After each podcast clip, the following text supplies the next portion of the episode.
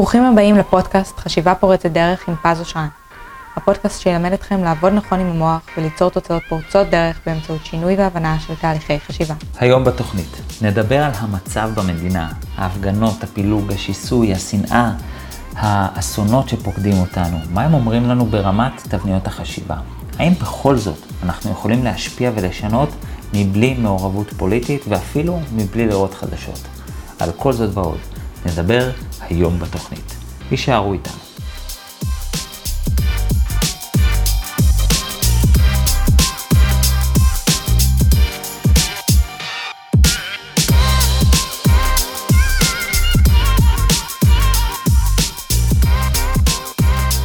היי hey, חברים, לפני שאני אה, מפעיל לכם את הפרק האחרון שהקלטתי ממש לפני כמה שעות, אני אשתף אתכם שעד הרגע האחרון התלבטתי אם להעלות את הפרק הזה או לא להעלות את הפרק הזה, הייתי איתו קצת ברגשות מעורבים.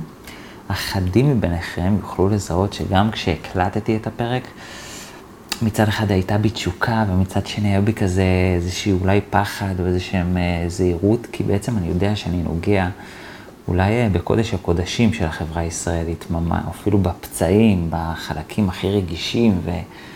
ועצורים, ובגלל זה ככה זה יצר בי רגשות מעורבים.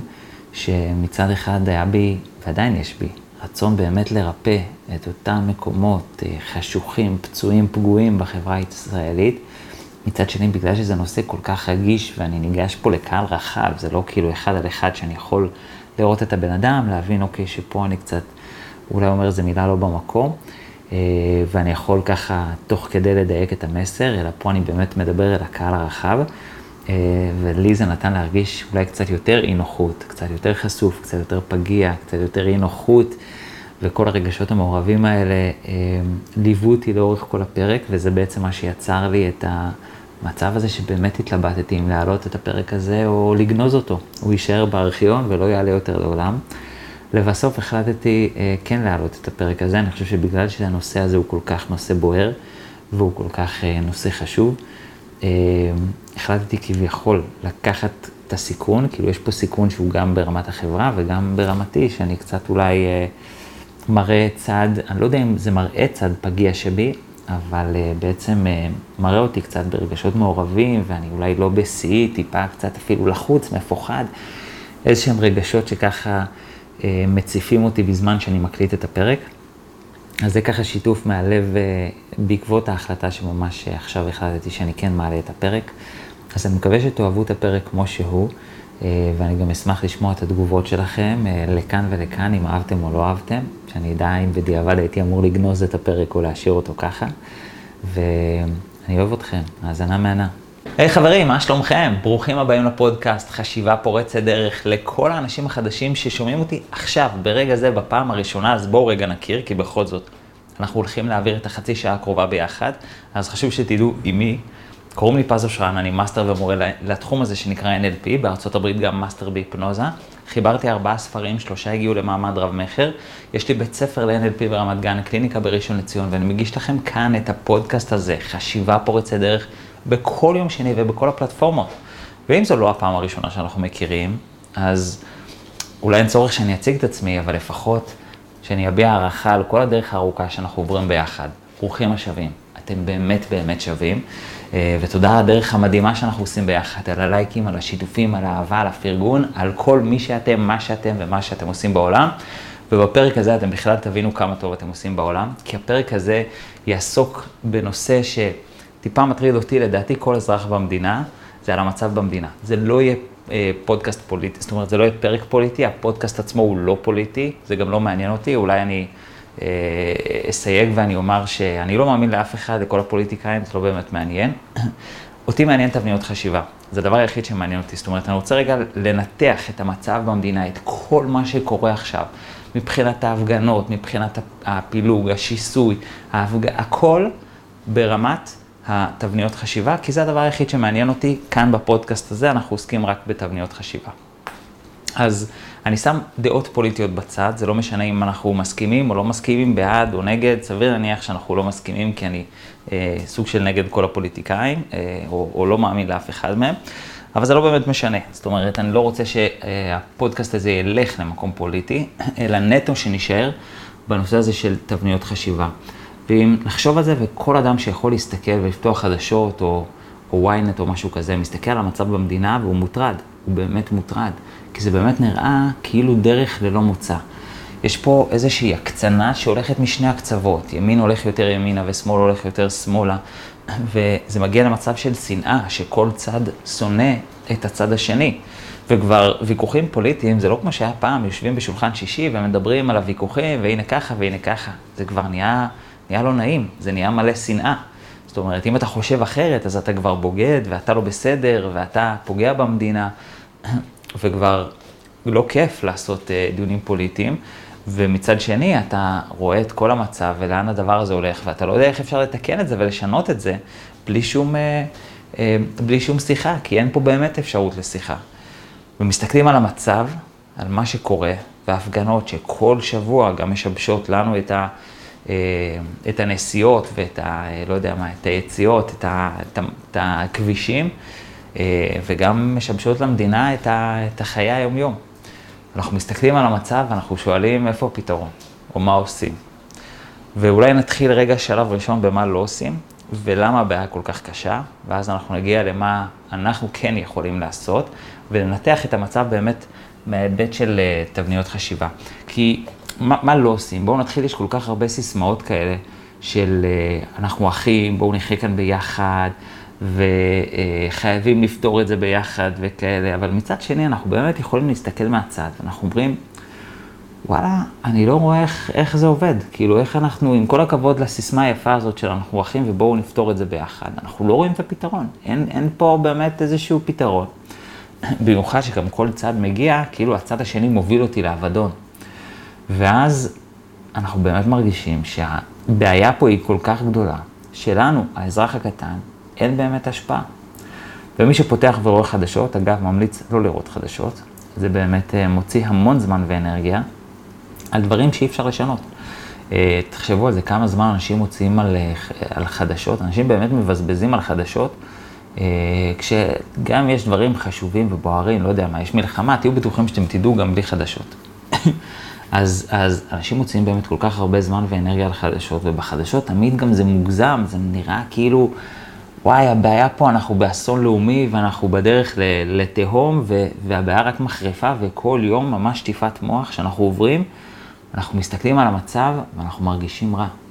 ויש אנשים שמרגישים רע עם, עם המדינה, יש אנשים שמרגישים רע עם המצב במדינה, יש אנשים שמרגישים רע עם האוכלוסייה, אבל כל אחד ברמה כזו או אחרת מודאג ממה שקורה במדינה.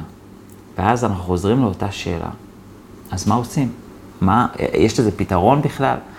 כי לנו האזרח הקטן, אנחנו לא ראש ממשלה, שאנחנו יכולים להגיד, וואלה, בוא נעשה ככה, אנחנו לא חברי כנסת, אנחנו לא שרים, לפחות רובנו, אני מאמין, לראש, רוב מי שמקשיב לפודקאסט. אז אה, אנחנו לא שם. אז מה אנחנו יכולים לעשות? ואם תשאלו את האזרח הממוצע או את האדם הרגיל, מה אתה יכול לעשות כדי לשנות את המצב? רוב האנשים, מה שהם יגידו לכם, זה או להשתתף בהפגנה של אחד הצדדים, או להצביע אחרת בבחירות, וזהו. וגם אם זה היה נכון, אז אתה אומר, אוקיי, להשתתף בהפגנה, יכול להיות שזה עוזר, יכול להיות שלא, ולהצביע בבחירות פעם בארבע שנים, אתה נשאר קצת אה, חסר אונים.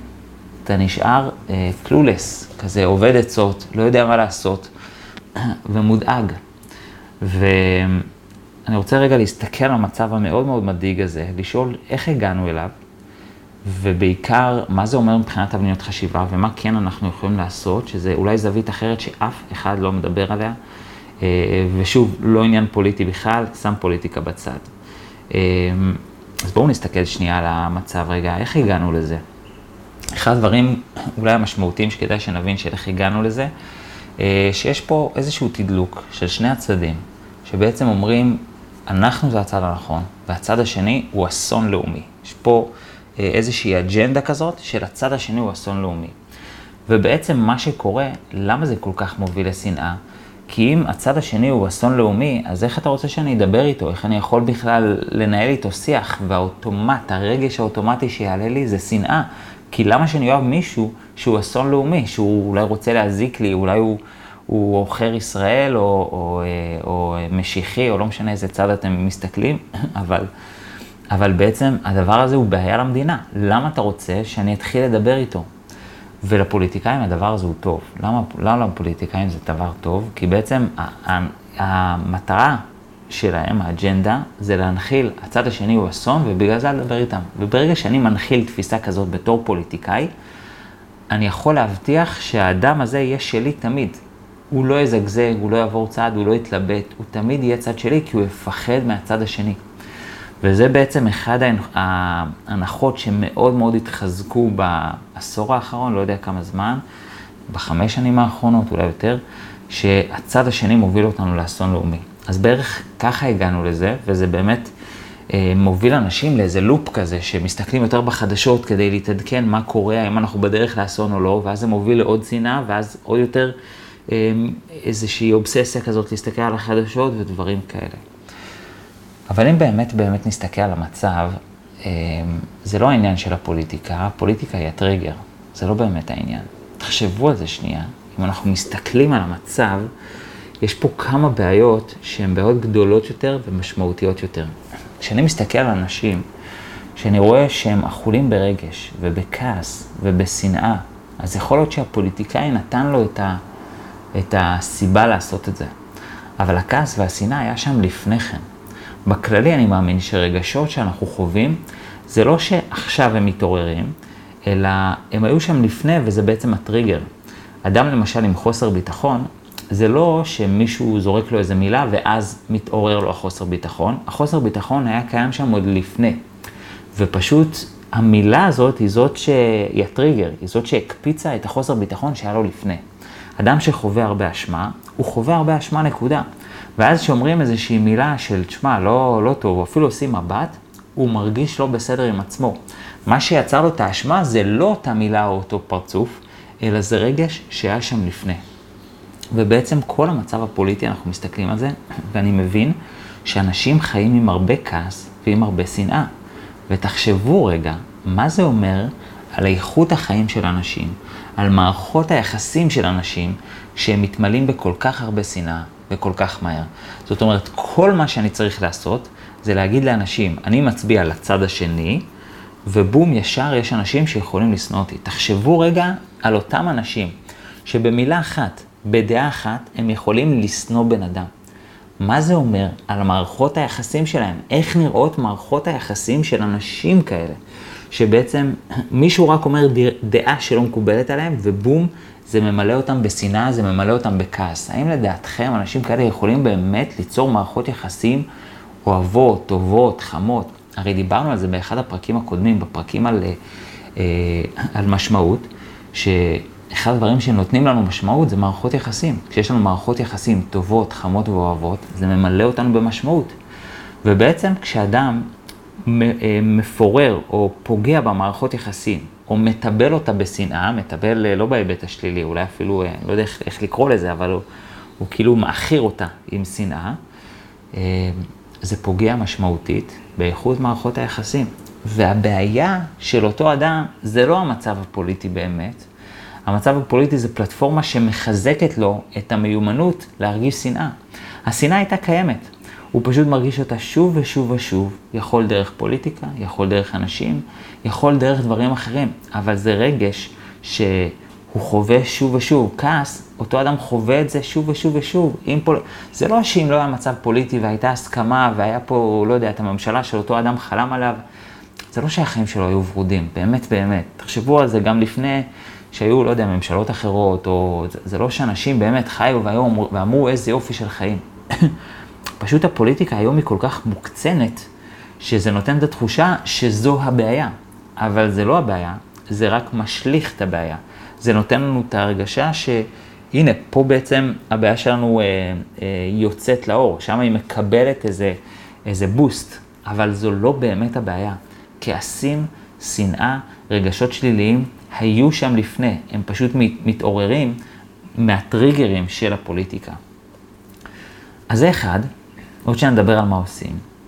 שתיים, מה עוד אנחנו יכולים להבין על המצב במדינה? אנשים גם חיים בהמון פחד. בין היתר, כל הכעסים האלה, זה בגלל המון פחדים שאנשים סוחבים איתם. תחשבו איזה מגננות אנשים חיים. אנשים באמת חיים במגננה, אל תשנה לי את הדעה שלי. כי אם אתה משנה את הדעה שלי, זה רעידת אדמה, זה דבר מסוכן. זה באמת מסכן את ה... את ה אה, אה, לא יודע, את הקיום שלי. עכשיו, אני רוצה שנבין, בלי קשר רגע לאם אנחנו מסכימים פוליטית או לא, לשני הצדדים, גם אתם מסכימים עם ההפגנות וגם אם לא, אני מאוד מקווה שאם אתם הייתם מאמינים שאנחנו הולכים לאבדון, הייתם עושים משהו. כאילו, לא הייתם מקבלים את זה וזה. אה, וגם הפוך, זאת אומרת, גם אלה שיוצאים להפגין ולא מסכימים עם הצד השני, אני מקווה שאם אתם הייתם מסכימים, חושבים שהצד השני אה, מוביל אותנו לאבדון, הייתם עושים משהו, לא הייתם יושבים בבית.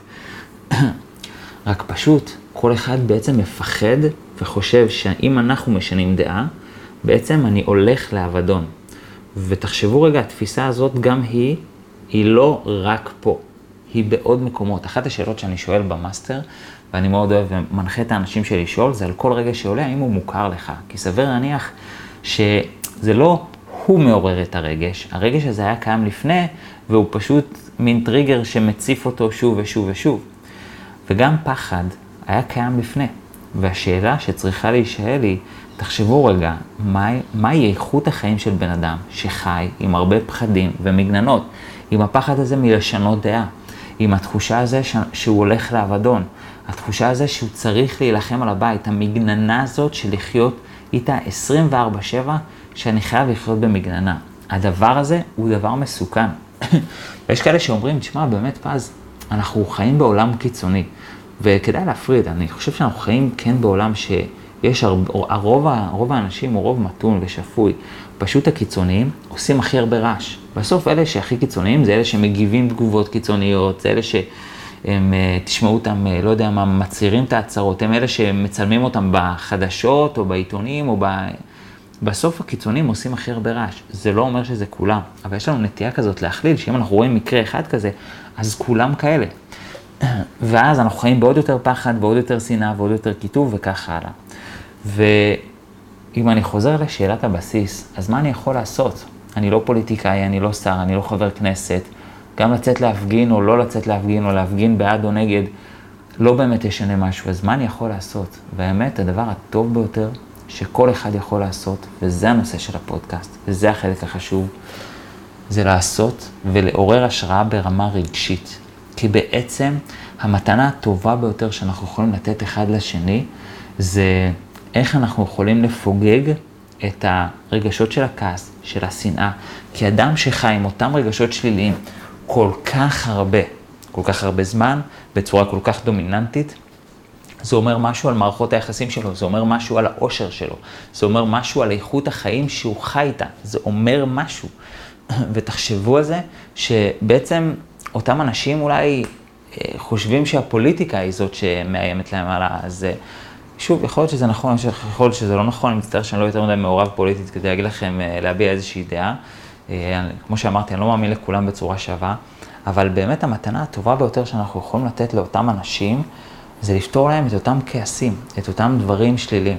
ואני באמת באמת מאמין שכולנו, אני אומר את זה רגע בצורה ברורה, כולנו פוסט-טראומטיים. אנחנו לא אולי ברמה אה, מאובחנת של, אה, אה, שכתובים בספר BDS, למי שלא יודע, BDS זה כאילו הספר של, ה, של הפסיכיאטרים, של כל האבחנות הפסיכיאטריות, שכאילו יש שם להבחנה ומה ההגדרה וכאלה, אז אולי אנחנו אולי לא ברמה שעונה על אותה הגדרה של פוסט-טראומה, אבל כולנו פוסט-טראומטיים, כולנו עברנו איזה שהן טראומות.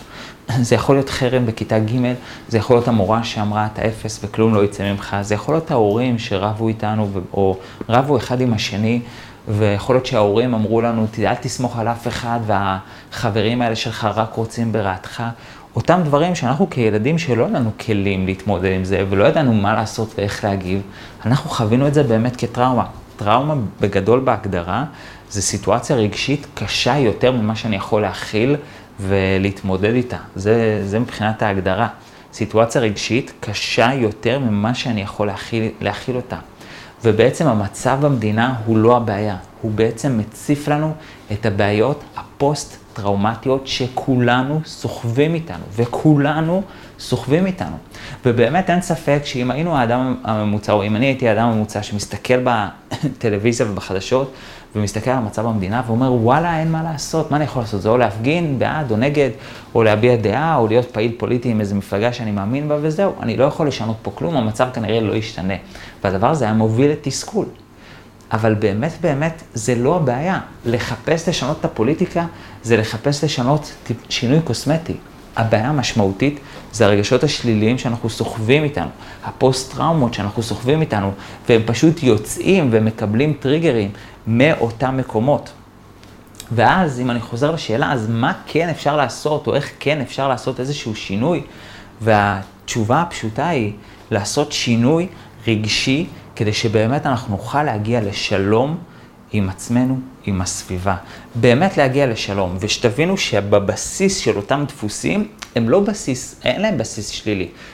אותם אנשים שיוצאים להפגין בעד ונגד, זה, אה, זה אנשים שבאמת נלחמים על הבית. זאת אומרת, בהגדרה שלהם זה אנשים שאוהבים את המדינה. בעד ונגד, שני הצדדים אוהבים את המדינה. ולא יודע מה, אנשים שהם מביעים בחוזקת הדעה הפוליטית שלהם ומאמינים שרק זה, זה באמת אנשים שמאמינים שאם יש משהו נכון אז חייבים ללכת בזה, ואנחנו לא רוצים לעשות משהו שיפגע. הבסיס עצמו הוא בסיס נכון, הוא בסיס טוב, הוא בסיס, הוא בסיס בריא, שאני מקווה שלכולנו יהיה. רק האופן שבו אנחנו חווים את זה, הוא האופן הלא בריא. ואם אנחנו נחזור לאותה שאלה, אז מה אני יכול לעשות? והשאלה שכל אחד יכול לשאול את עצמו ולצאת איתה בפרק הזה, זה איך אני עושה שינוי רגשי לי, אולי גם לאחרים. ובמצב כזה שאנחנו נפתור את אותם רגשות שמקוננים בנו. כי תחשבו כמה רגשות שליליים מקוננים בנו. אין ספק שהחדשות מתדלקות את זה, והמצב במדינה מתדלק את זה, אבל הוא לא הגורם והוא לא הבעיה. ואם מישהו מסתכל על המצב ואומר, אין, אני לא פוליטיקאי, אני לא יכול לשנות פה את המצב, מה אני יכול לעשות? השאלה היא, מה אנחנו יכולים לעשות? לא בשביל שנגיע להסכמה, יכול להיות גם שלא נצטרך להגיע להסכמה, אני לא פוסל את הדבר הזה. אבל השאלה היא, מה אני יכול לעשות כדי שאנשים באמת יהיו יותר מאושרים? כי כשאני יותר מאושרים, אז אני לא חי בפחד, ואני לא ממהר לשנוא את האדם האחר, כי באמת טוב לי, באמת טוב לי, באמת באמת אני מאושר. לא להראות פרצוף של מאושר, או לשחק אותם מאושר. אה, או שזה גם משהו שהוא מאוד נפוץ, מחזיר אתכם לאתגר האותנטיות, פרק שעשיתי, אחד הפרקים הקודמים, ממליץ עליו בחום, אלא באמת באמת להיות מאושר.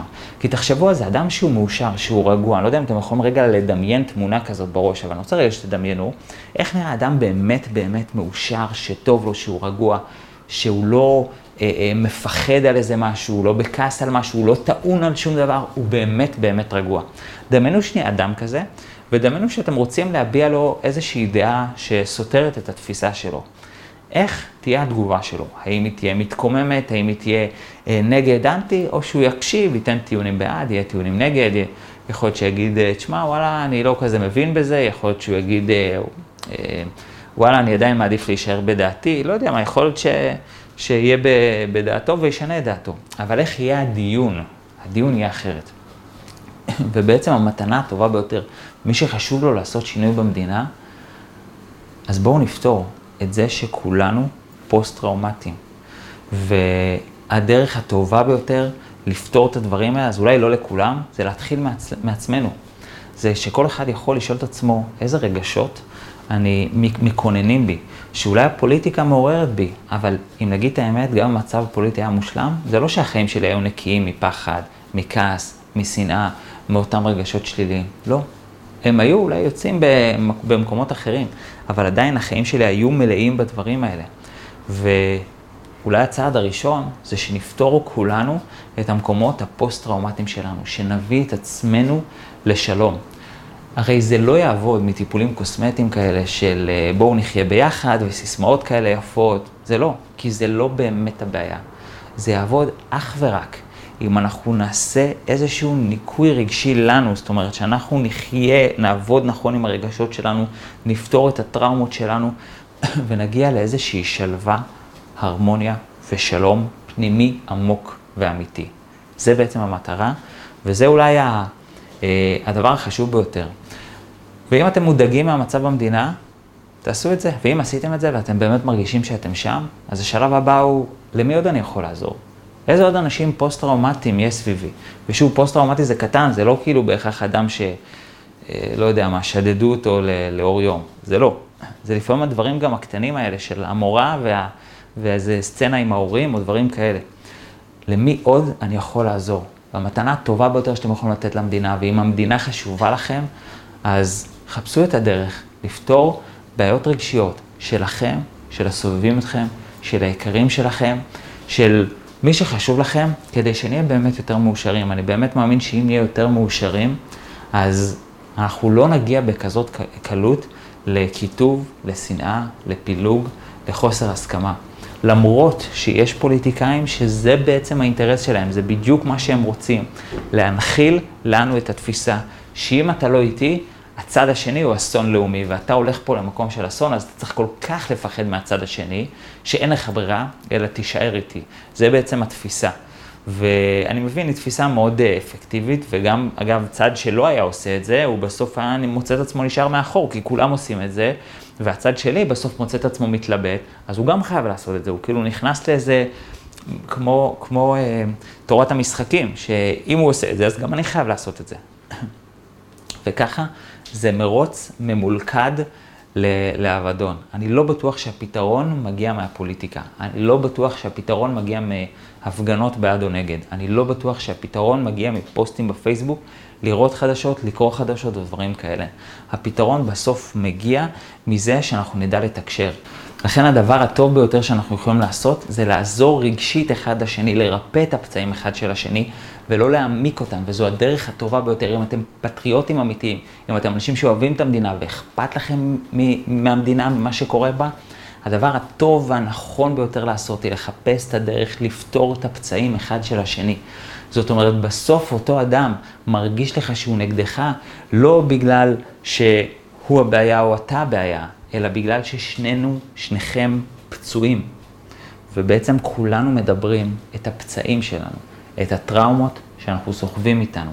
והם יוצאים כתסמין דרך הדבר הזה, בדיוק כמו שיכול להיות זוג שרב הרבה בזוגיות, ולפעמים, אני לא יודע אם אתם מכירים את זה, שיש דברים שלא באים לנו בטוב, דברים ממש קטנים שהם מפריעים, והזוג הזה מנסה לפתור את זה דרך הדברים הקטנים, לא יודע מה, הנעליים בסלון, למה אמרת ככה ולא אחרת, אבל לרוב זה לא באמת הבעיה, זה רק יוצא על זה, אבל הבעיה העמוקה יותר היא מתחת לפני השטח, ואליה צריך להגיע. ועד שאנחנו לא באמת עושים שינוי עמוק, אמיתי, רגשי, פנימי, אנחנו לא נוכל לתקשר, אנחנו לא נוכל לפתח מערכות יחסים אמיתיות.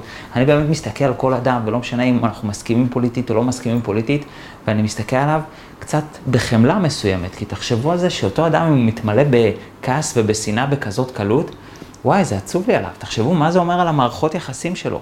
איזה אה, מערכות יחסים הוא חווה, זה באמת עצוב לי עליו, זה באמת כואב לי עליו. ואם אותו אדם, הוא לא מוכן להקשיב לזה והוא חי בכל כך הרבה פחד, זה באמת עצוב לי עליו. זה עצוב כי זה לא יוצא רק פה, זה ככה בחיים. ואז זה אומר משהו על מערכות היחסים שלו, על האופן שבו הוא חי, על הרגשות שהוא חווה רוב היום. ואחד המשפטים, לא יודע אם אתם זוכרים, או מי ששמע את הפרקים הקודמים, שדיברתי על רגשות, שאיכות החיים שלנו נקבעת לפי אה, איכות הרגשות שלנו. ואם אנחנו רוב היום חווים רגשות חיוביים, אז זו, זאת תהיה איכות החיים שלנו. ואם רוב היום אנחנו חווים רגשות שליליים, אז זאת תהיה איכות החיים שלנו. ומהי איכות החיים שלנו? היא מהם הרגשות שאנחנו חווים. וכשאני מסתכל על מישהו שחווה רגשות שליליים בכזאת קלות, ולא מעניין אם זה פוליטיקה, אם זה חדשות, אם זה משהו אחר, אני מתמלא חמלה, והדבר שאני הכי רוצה לעשות בעולם זה לרפא את אותם פצעים שיש לו. ובפעם הבאה שאתם רואים אנשים שמתעצבנים, שזה, בהמשך אגב לפרק הקודם על אה, חמלה, על אחד הפרקים על אה, חמלה, שפעם הבאה שאתם רואים מישהו שמתעצבן, שמתמלא שנאה, תסתכלו עליו ותחפשו את הפצעים שלו. את הפחדים, את החששות, את הכעסים, את השנאה, את הטינה, את הטראומות שהוא עבר. לא תחפשו בשביל לחפור בזה ולהציף ולשים אה, מלח על הפצעים, לא. אלא חפשו רק בשביל ההבנה של, וואי, אתה חווה את הרגש הזה, כי זה מה שעברת, כי זה הקושי שלך, כי זה מה שאתה סוחב איתך, וואלה. והמצב במדינה, זה כי המדינה שלנו היא מדינה פוסט-טראומטית, שסוחבת איתה כל כך הרבה. והמתנה הטובה ביותר שאנחנו יכולים לתת למדינה, זה ריפוי. זה ריפוי אמיתי, פנימי, לרגשות שלנו, למה שאנחנו סוחבים איתנו, לטראומות, בכל דרך שאתם מכירים. מי שכמובן יש לו NLP אז יכול להשתמש בכלי הזה, מי שיש לו שיטה אחרת זה מעולה. מי שאפילו רק יכול להצביע, להבין, לזהות, לשנות את השיח ולשנות את הפוקוס, זה כבר שינוי בפני עצמו. זו גם הסיבה שעשיתי את הפרק, הסתכלתי על המצב במדינה, רציתי לנתח אותו מהיבט של תבניות חשיבה. ואמרתי, חבר'ה, הבעיה היא לא הפוליטיקה, הבעיה היא בעיה אחרת. ואם אנחנו לא נטפל בבעיה אחרת, אז אנחנו נמשיך ונמצא את עצמנו באיזשהן בעיות. אז היום זה פוליטיקה, מחר זה כלכלה, מחרתיים זה מגפה, אני לא יודע מה, אבל זה כל פעם בעיה אחרת, ש, שתוצף בעצם בגלל פצעים אחרים שאנחנו סוחבים איתנו. עד כאן לפרק זה, מקווה שאהבתם. אנחנו כמובן נהיה כאן גם בשבוע הבא. אם אהבתם, אתם כמובן מוזמנים לתת לייק ולשתף בכל דרך אפשרית, ואתם גם כמובן מוזמנים לקורס המטורף שלנו ב-NLP וחשיבה פורצת דרך. יצא לי לשמוע אגב על כמה בתי ספר ששמעו את הפרקים בפודקאסט וממש הכניסו את זה לתוכנית הלימודים. זאת אומרת שממש מלמדים, נגיד נושאים על רגשות, מה שהיה פרקים על רגשות, או כל מיני דברים כאלה ואחרים. ואני רוצה לפנות לאותם בתי ספר ולהזמין אותם לקורס המטורף שלנו. יש כבר כמה בתי ספר שלמדו אצלי, אה, ואתם מוזמנים גם אתם לבוא, לא ללמוד את התוצר של, ה, אה, של הקורסים, אלא ללמוד איך לחשוב, כי זה מה שהקורסים נותנים, הם בסוף מלמדים אתכם איך לחשוב, כדי שתוכלו לפתח תכנים כאלה בעצמכם. אז אני כמובן מזמין אתכם לקורס המטורף שלנו, ומזמין גם אתכם, הקהל הרחב, כל מי ששומע אותי, אתם מוזמנים, יש לנו קורסים באמת מטורפים ברמה מאוד מאוד גבוהה, שמבינים תכנים, שמביאים תכנים שאין, אין, אין להשיג בארץ ובעולם, והם מביאים את ההבנה ולא איזה לדקלם, איזה סקריפטים או משהו כזה. עד כאן לפרק זה. תודה רבה לכם על ההאזנה, לי קוראים פז אושרן. נהיה כאן גם בשבוע הבא, יום שני בכל הפלטפורמות, חשיבה פורצת דרך. שבוע מדהים, ביי בינתיים. תודה שהאזנתם לחשיבה פורצת דרך עם פז אושרן. אתם מוזמנים ליהנות מכל התכנים שכבר פרסמנו בערוץ היוטיוב, או מהספרים שיצאו לאור. כדי ליצור איתנו קשר, תוכלו למצוא את פרטי ההתקשרות מתחת לכל סרטון ביוטיוב, או באתר pazosran.co.il.